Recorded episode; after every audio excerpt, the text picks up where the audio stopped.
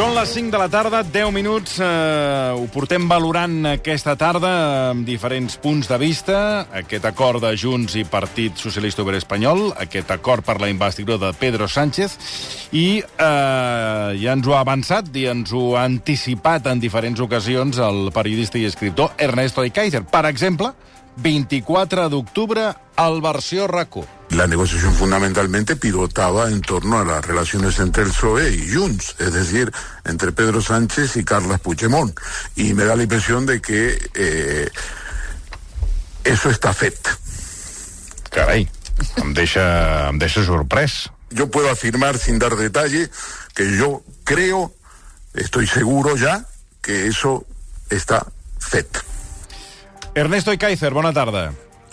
Muy buena tarde. Bueno, enhora- Muy vol- conmocionado, Tony, por el asesinato de de Alex Vidal Ca- Bueno, atentado. Sí, durante Ernesto, años. Ernesto, tremendo, tremendo. Però Ernesto, atentado, atentat. De moment no... no Asesinado, digo, asesinato.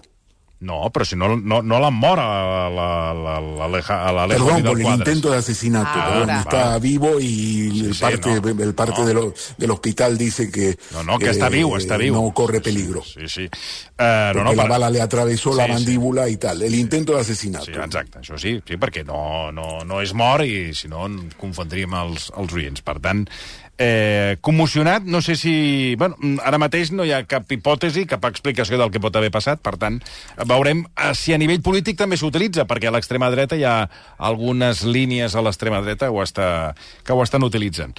Li anava a preguntar, eh, Ernesto, sobre, tal com vostè va dir, fet, ha estat un fet, no són paraules. Eh, és l'acord que esperava o va més enllà del que vostè esperava o s'ha quedat curt del que vostè esperava? No, yo creo que es un acuerdo muy meditado. Eh, la fecha en que se anuncia también es meditada, nos hemos despistado todos. Eh, Puigdemont esperaba el 9 de noviembre, le parecía la fecha simbólica del, eh, de la consulta convocada por Artur Mas en, en 2014.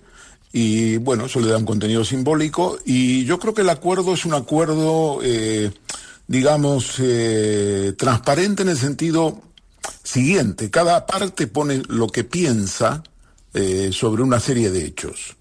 Y ahora no tenemos el proyecto de proposición de ley de amnistía, donde está, digamos, desarrollada la parte, el preámbulo, las razones de esa amnistía, y luego eh, cuál es eh, la amplitud de esa amnistía, a quienes llega, a quienes no llega, en términos de acciones, eh, de acciones, no de nombres, claro. Y yo creo que sí, creo que es un acuerdo transparente en ese sentido, que se ha trabajado mucho y eh, muy probablemente a mucha gente no le diga nada por el sencillo hecho de que lo que se hace es constatar más las diferencias eh, que los pocos acuerdos. Hay un acuerdo que es fundamental, que es el de la ley de amnistía, y un acuerdo también fundamental para discutir en una mesa de diálogo todo lo que tenga que ver con la solución política eh, del conflicto, por así decir. Entonces, desde ese punto de vista, pues es, oye, es una cosa relativamente sencilla, eh, llaman algunos puntos de la atención, es el caso del, eh, ahora se llama mm, verificación, Sí. mm, verificador internacional, Sí. en el año 19 se llamaba relator, Exacte. ¿se acuerda? Con Sí, tant. Republicana de Cataluña, y esto que parece un detalle menor no lo es, porque le recordaré, y ahora cuando se lo recuerde se acordará inmediatamente, que en el año 19, eh, 2019, cuando se discutía el tema este del eh, verificador o del redactor, como se llamaba entonces, un fedatario, eh, Esquerra Republicana de Cataluña, el eh, febrero, a primeros de febrero, el 5 de febrero del 2019, presentó la enmienda de totalidad para tumbar el proyecto de presupuestos, lo que precipitó las elecciones, la repetición de las elecciones generales.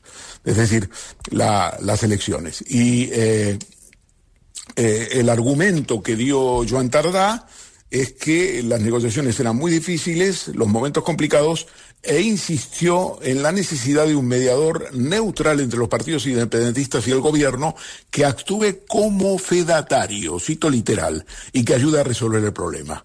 Eh, se ve entonces, por lo tanto, que el tema del verificador es un tema, en fin, un tema relevante, lo era para Esquerra, en aquel momento incluso precipitó elecciones generales y no aprobó los presupuestos porque el gobierno se negaba a darle a concederle, el Partido Socialista se negaba a concederle el relator y ahora tenemos que ese relator transformado en verificador internacional o varias personas van a seguir los acuerdos. Esto supone una violación de soberanía, supone, bueno, es un acuerdo entre dos partidos, ¿eh? ojo.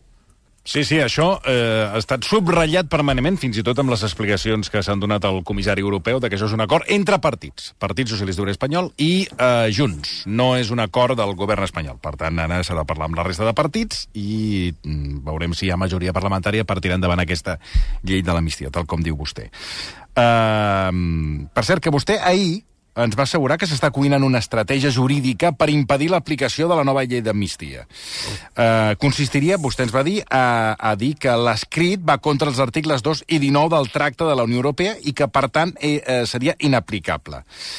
Eh, aquests dos articles exactament del, del, del com... O sigui, la llei de l'amnistia podria esquivar aquests dos articles, Ernesto? O com s'hauria de fer per esquivar-los? Si és que es no, no, no, no, no, no, estos artículos son artículos genéricos del Tratado de la Unión Europea, del, eh, del TUP, eh, que son eh, unos eh, artículos que se refieren a las libertades, a la democracia, a, a los temas de... eh, el 19 se refiere, por ejemplo, al sistema de elección de jueces. Eh, estos dos artículos son dos artículos que se han aplicado para eh, eh, en el expediente abierto contra Hungría y contra Polonia. Claro, eh, en Hungría los jueces los elige el presidente de la República eh, sobre la base de la propuesta de una oficina eh, específica para ese tipo de nombramientos que recomienda. Claro, comparar a España con, eh, con Hungría me parece realmente, en fin, eh, además el, el, el, el PP y la derecha conservadora que siempre presume del papel de España, de lo que es España, eh, imagínese usted ahora ponerlo al lugar de Hungría y eso es lo que están pidiendo a Reinders. Le están pidiendo a Reinders que trate a España como a Hungría y a Polonia. Eh, Exacto, sí, sí.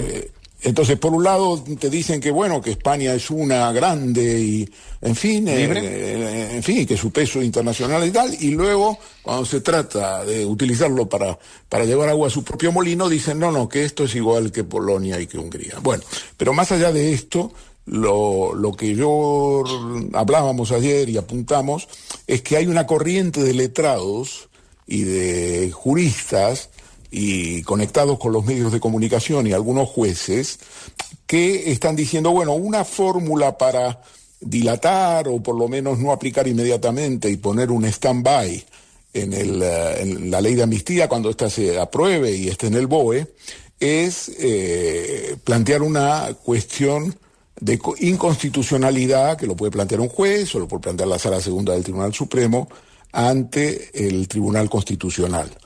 Eso evidentemente lleva tiempo y por lo tanto retrasa el procedimiento, aunque durante ese plazo, si Puigdemont estuviese en España, pues no podría ser detenido. Vaja, no m'ho puc. Uh, hem perdut Ernesto i Kaiser, uh, ara el, el recuperarem. Um, estàvem parlant i valorant amb ell uh, aquest acord entre partits, entre el Partit uh, Socialista Obrer Espanyol i uh, l'acord de, de Junts. Hem recuperat el fil amb Ernesto i Kaiser, aquí tornem a saludar. Ernesto, de nou, bona tarda. Ja el Sí, tenim en hola. ¿qué tal, Tony? Sí, sí. Sí, estàvem... Sí, estava... bueno. Diga, diga, uh, digues, digues, perdona. Sí, sí, no, quería decirle que eh, eh, estamos hablando sobre, eh, eh, digamos, las circunstancias en que este proceso va a ser muy contradictorio y donde, la, digamos, lo que yo llamo el sindicato eh, mediático judicial va a jugar un papel muy importante porque van a intentar descabalgar esta amnistía a la hora de aplicarla. Y hay, usted sabe, hay mecanismos jurídicos, está lo que se llama el lawfare, por ejemplo. No sé, yo he leído una, una crónica en el país donde eh, Jordi Amat decía que, hombre, que normalmente en un, eh, digamos, en un estado eh, respetable, viene a decir, eh, no se puede aceptar poner el lawfare. Y a continuación habla de García Castellón. Pero claro, el problema es el siguiente, el lawfare, eh, la guerra sucia judicial, es el contenido de una gran operación que dura ya varios años contra los rivales del gobierno del Partido Popular en su día. Estamos hablando de rivales internos, ¿eh? donde se utiliza la policía ¿eh? para recuperar material y se utiliza una parte importante del aparato policial, que es la operación Kitchen contra Bárcena, pero también estamos hablando de la persecución judicial a través de la guerra sucia judicial contra Podemos. Y también hablamos de Operación Cataluña, que es otra versión del lawfare o de la guerra sucia judicial. Entonces, ¿cómo se puede, digamos, eh, abordar esto de una manera directa? Bueno, diciendo que como parte de la desjudicialización, ¿eh? como parte de la primacía de la política sobre la judicialización, lo que hay que ver es efectivamente qué parte de esa judicialización no es guerra judicial suya. Y esto me parece que es fundamental y lo han puesto ahí. Veremos a ver qué desarrollo tiene. Una cosa es el papel y otra. Y luego, en relación a la legislatura, yo creo que eso que dice Puigdemont, yo creo que es, eh, él está hablando con, eh, con claridad. Él dice, si esto no se desarrolla no tiene ningún contenido o ningún recorrido. Entonces, Tony, esto eh, hay que ser, eh, a buen entendedor, pocas palabras. Eh, Tony, hay elecciones en Cataluña, no sabemos cuándo, pero pronto, más tarde que pronto que tarde. no sé si serán en el 24 a finales o si serán en el 25. Entonces, claro, Puigdemont aquí tiene distintas alternativas y opciones. Y una de esas opciones, desde luego, es si no hay un progreso en ese tipo de eh, en esa mesa en la cual se ha eh, acordado, más allá de la amnistía, por supuesto, evidentemente él puede, eh, digamos, dejar de apoyar al gobierno. Eso es una realidad. Quien no asuma esto, quien crea que esta legislatura está blindada, una cosa es digan que es un acuerdo de legislatura, pero eso se puede decir. Luego, me parece que Puigdemont ha sido muchísimo más claro. Ha dicho, si no se desarrolla esto, no tiene ningún recorrido. Ergo, ¿qué quiere decir? Eh, jo me largo.